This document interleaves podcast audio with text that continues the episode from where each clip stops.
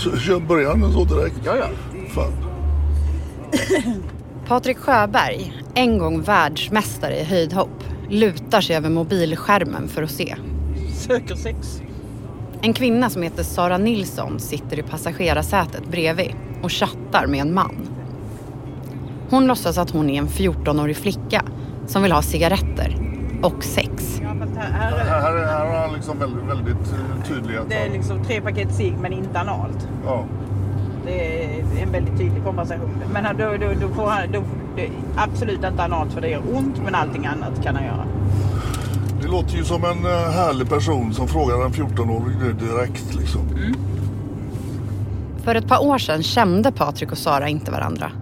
Nu har de plöjt mil efter mil betalade av Swish-donationer från svenska folket. Ingen vill träffa mig för jag är ful.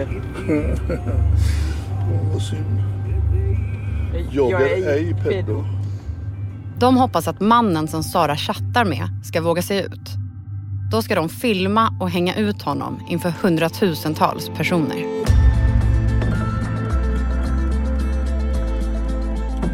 Från Dagens Nyheter. Det här är Spotlight. Idag om Dumpen och pedofiljakten. Patrik Sjöbergs mest kontroversiella kamp. Jag heter Evelyn Jones.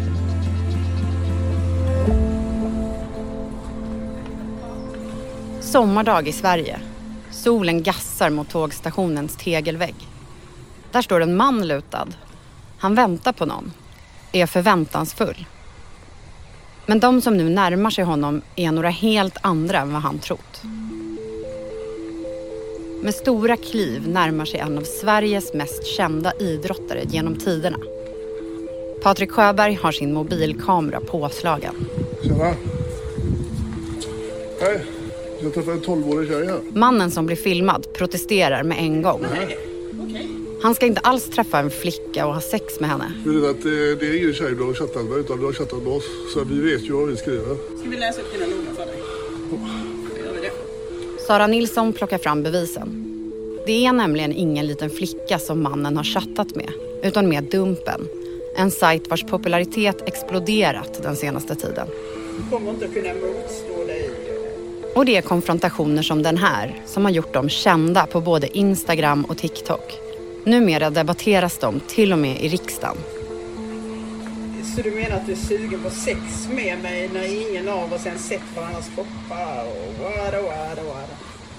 Varför chattar du med små barn? Ja, det är en väldigt bra fråga.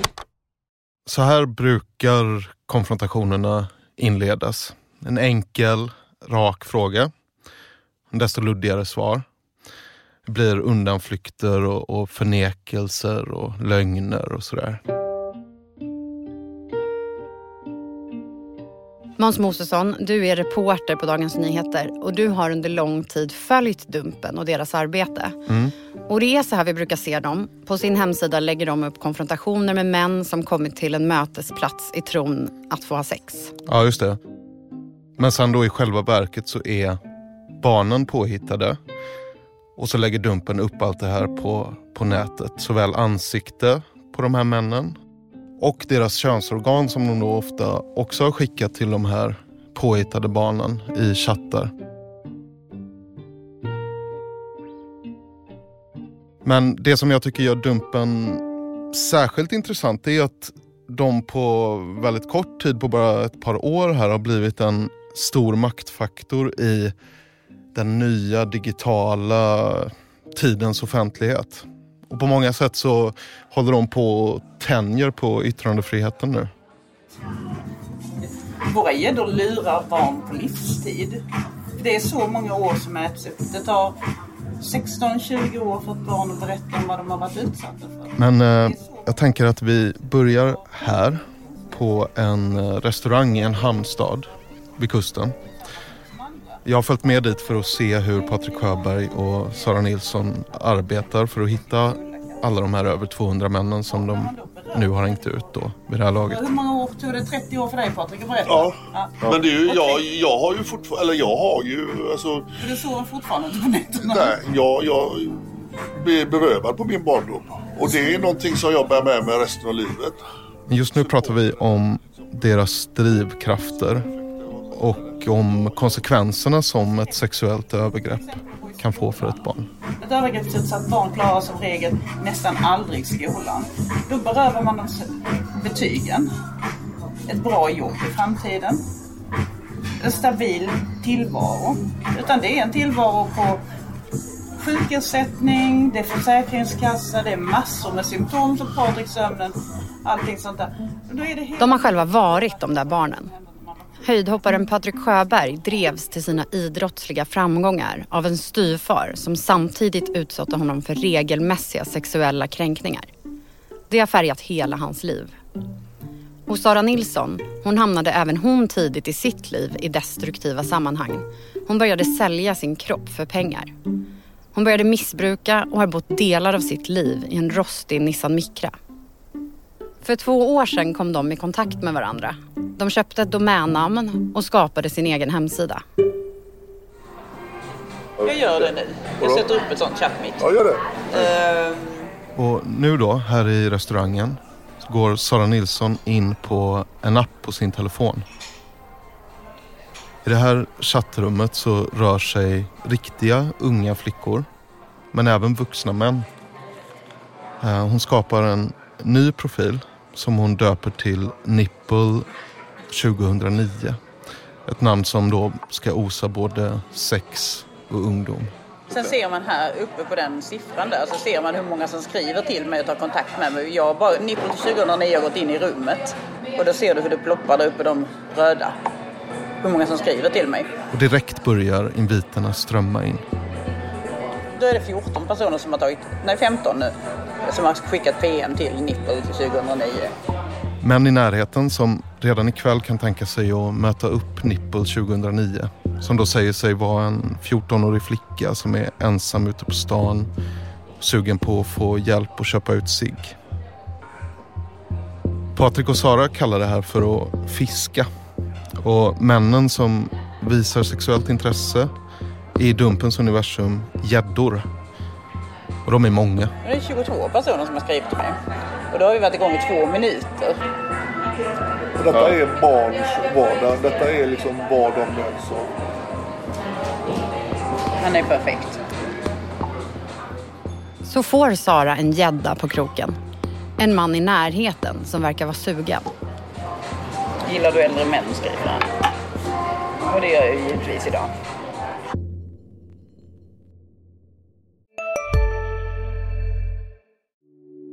Hej, Ulf Kristersson här. På många sätt är det en mörk tid vi lever i. Men nu tar vi ett stort steg för att göra Sverige till en tryggare och säkrare plats. Sverige är nu medlem i Nato. En för alla, alla för en. Har du också valt att bli egen? Då är det viktigt att skaffa en bra företagsförsäkring. Hos oss är alla småföretag stora och inga frågor för små. Swedeas företagsförsäkring är anpassad för mindre företag och täcker även sånt som din hemförsäkring inte täcker. Gå in på swedea.se företag och jämför själv.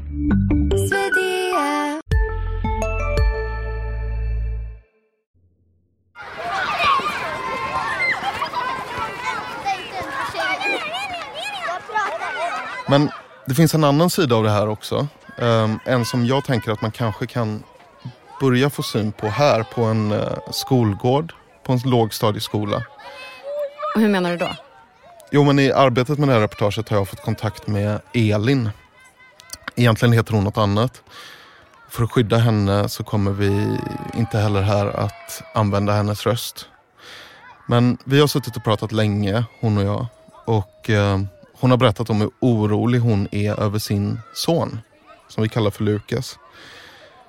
Han har liksom börjat märka av att någonting har hänt bland klasskamraterna på skolgården.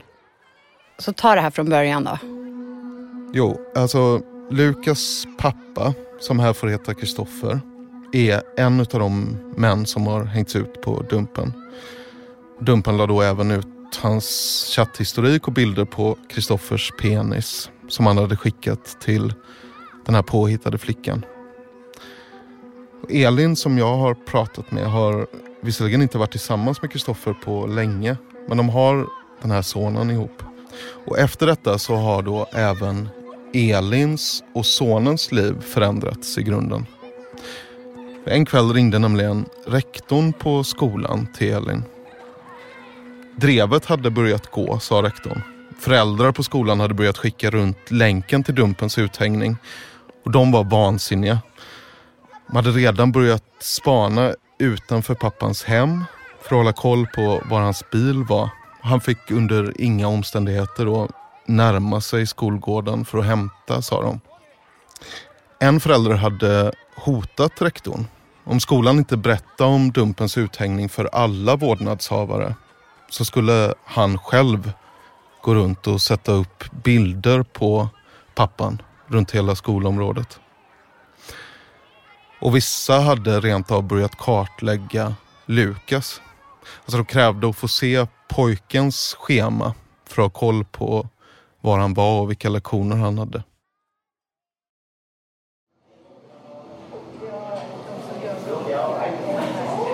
Men han har fått två livebilder på mig nu. Det borde han ju vara nöjd med kan man tycka. Sara Nilsson har kommit tillbaks in till restaurangen i Hamnstaden. Hon har precis varit ute på gatan och fotat sig själv. Sen har hon använt en särskild mjukvara för att förvränga sina ansiktsdrag så att hon ser ut som en 14-årig flicka. Har han bara sett ser lite, jackan? lite för gammal ut. Va? Ja. Det gör jag väl inte? Det gör jag ju inte alls det. Oj vad han tänker nu. Det kommer hans beslut. Han ska ju åka ska jag. Jag tror inte han kommer att våga. Det tror jag inte. Mannen som Sara pratar med är tveksam till om han ska våga bege sig ut. Om han blir påkommen skulle han förlora sitt jobb på en gång, skriver han. Och kanske är det den oförlåtande attityden Dumpen har som gör att de är så populära hos många. Men du Måns, när du pratar med Patrik Sjöberg och Sara Nilsson om att de hänger ut folk och att det kan skada till exempel anhöriga. Ja. Vad säger de då? Ja, men de tycker att egentligen att hela det perspektivet, det, det hållet att se det ifrån är fel så att säga. De jobbar med barnrätt, säger de. Och skyddet för barn väger tyngre än det allra mesta. Vi kan lyssna lite. Det här att vi ska sitta och kanske tycka synd om en, en familj som då pappan har blivit utpekad. Han var på en plats där han skulle träffa ett barn. Han hade förgripit sig om barnet hade dykt upp. Det är där vi ska lägga fokus. Det är liksom, nu blev det tvärtom. Han hade otur att träffa oss. Han hade tur att träffa oss. Ja, det brukar vi Faktiskt. säga till dem. Att Ja. det, det är tur var du träffade oss för Ja. du förgrep dig inte på ett barn idag. Sen är det en sak till som Patrik och Sara återkommer till ofta. Eh, och det är jämförelsen med oss i traditionell media. Alltså vi granskar ju också hela tiden. Eh, för att vi ska publicera något klandervärt om någon enskild så krävs det ju bland annat ett stort allmänintresse. Och det där är något man hela tiden då viktar eh, det eventuellt skadliga i en publicering mot. Mm. Men Patrik Sjöberg som har varit i strålkastarljuset hela sitt vuxna liv. Han känner att han ofta har blivit uthängd på felaktiga grunder. Jag har aldrig blivit blurrad. Vad jag än har gjort så har jag aldrig blivit blurrad. Jag åkte fast för... Eh, jag fick ju åka till stationen och göra pisseprov 2007 eller vad fan det var. När de släppte mig på morgonen så var det redan på löpsedlarna att Patrik Sjöberg åkt fast för kokain. Du är kändis. Jo, tål liksom, det. jag också, jag har också familj och närstående. Precis.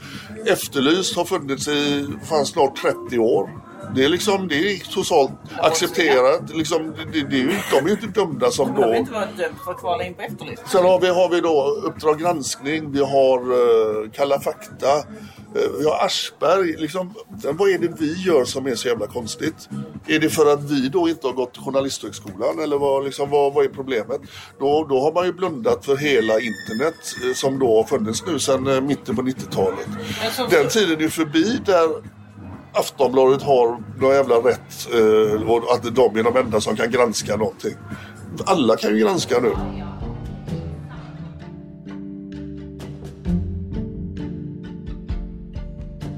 Det finns faktiskt fler likheter mellan Dumpen och traditionella medier än vad man först kanske tror. För rent juridiskt så klassas de numera på samma sätt. De har ju skaffat sig det här frivilliga grundlagsskyddet i och med att de har kommit in i det här systemet. Samtidigt som de kanske inte är beredda att fullt ut så att säga, rätta sig efter de pressetiska regler och så vidare som finns. Eh, det gör de ju uppenbarligen inte förrän de pressetiska reglerna, då hänger man ju inte ut folk på det sättet. Det här är Marie Heidenborg. Hon är justitiekansler, alltså statens högsta juridiska ombud. Och hon granskar i den rollen just medier som blivit anmälda för förtal. Och Dumpen sticker ut. Under deras korta livstid har sajten anmälts över 40 gånger. I jämförelse kan man säga att de mer traditionella mediehusen brukar snitta på en eller ett par anmälningar per år. Det man också får syn på i själva anmälningarna det är eh, hoten som de uthängda och ibland deras anhöriga också får utstå på nätet. Uh, vi kan bara ta ett, ett uh, litet axplock här. Det är bara att slå sönder armar, ben, ja, allt utom huvudet och tatuera peddojävel i pannan. Blir så lack på de här asen som man ska tortera ihjäl alla dagar i veckan. Häng honom i testiklarna från en lyktstolpe till allmän beskådan. Jag hade lätt kunnat vara med i en mobb. Ja, det är mycket sånt där. Um, men Patrik Sjöberg och Sara Nilsson insåg också tidigt att det de gjorde skulle vara kontroversiellt. Så att de har ansökt om ett så kallat utgivningsbevis. Och i och med att det har beviljats så innebär det också att de nu har ett alldeles särskilt typ utav skydd. Det de gör kan mycket väl röra sig om förtal, säger Marie Heidenborg. Men hon gör ingen prövning.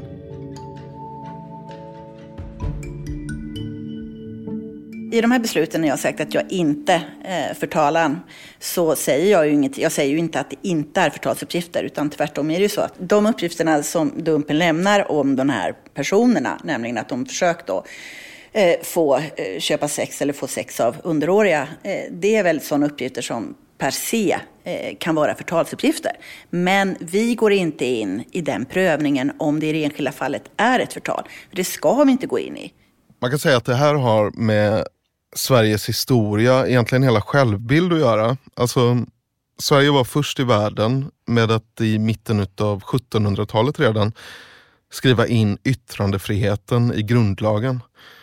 Och i och med att Dumpen genom det här utgivningsbeviset klassas som ett traditionellt mediehus så blir ett eventuellt förtal ett tryck och yttrandefrihetsmål.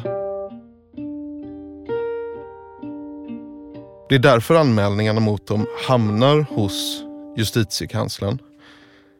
Och det är också därför som inte så mycket mer händer. Så om jag fattar det här rätt, konsekvensen ja. av att Dumpen har utgivningsbevis blir att de skyddas av grundlagen? Ja, precis. Och då kan man säga lite förenklat att yttrandefriheten trumfar den personliga integriteten. Så istället blir de uthängda hänvisade till att själva driva en rättegång. Och det kan förstås bli väldigt kostsamt då.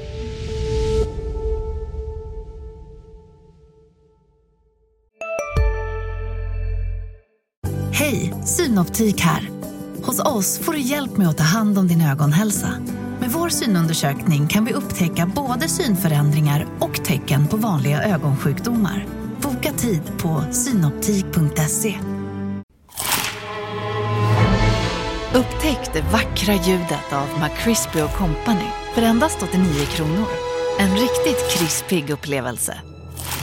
För ett ännu godare McDonalds.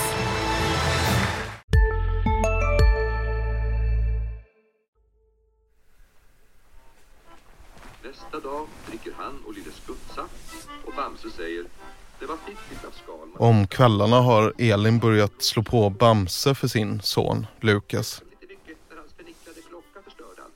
Det är sagor som han egentligen har vuxit ifrån. Men nu vill han se dem om och om igen tills han till slut lyckas somna. Elin märker att hennes son har börjat plocka upp hennes ångest över det som har hänt. Um, och det är i själva offentliggörandet som problemet ligger enligt henne. Alltså Elin säger att hon förstår precis vad Dumpen försöker göra och vill göra och hon är glad att hon har fått veta att hennes ex-sambo vill ha sex med barn.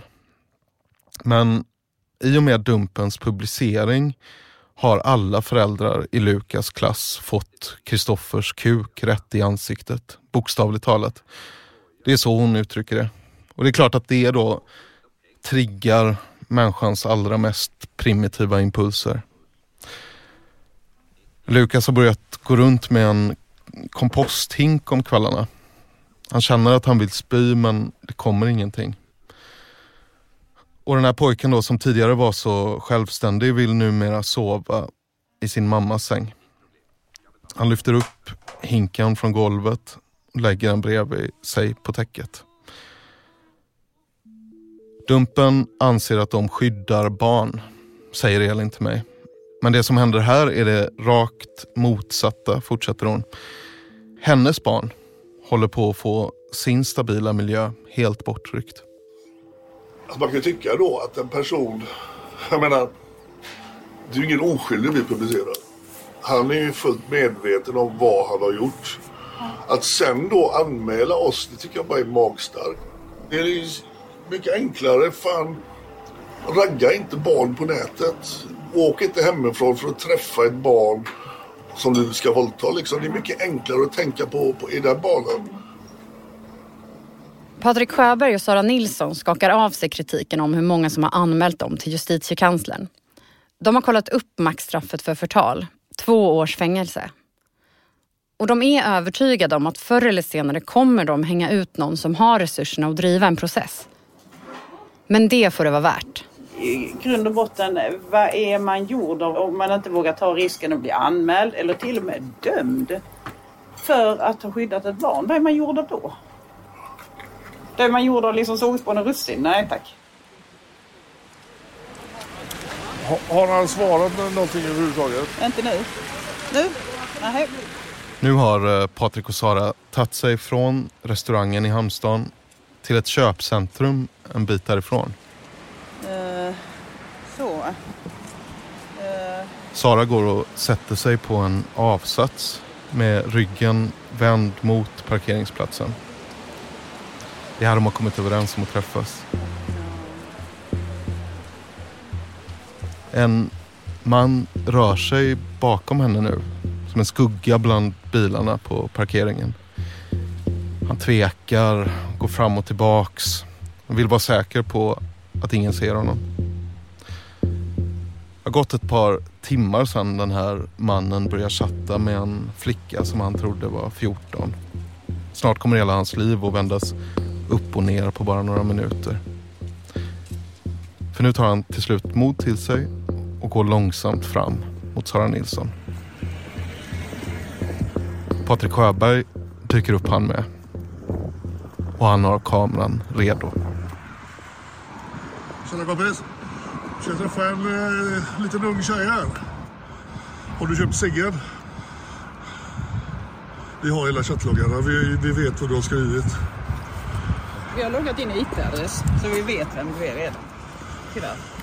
Varför eh, söker du efter barn?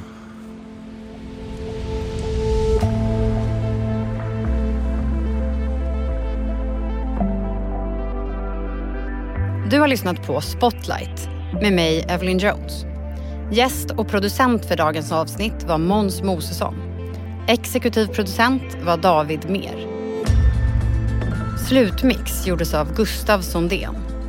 Ljudtekniker Patrik Miesenberger. Och vignetten är komponerad av Patricio Samuelsson. Ljudklippen i avsnittet kommer förutom från DN också från Dumpen. Ansvarig utgivare för Dagens Nyheter är Peter Wolodarski.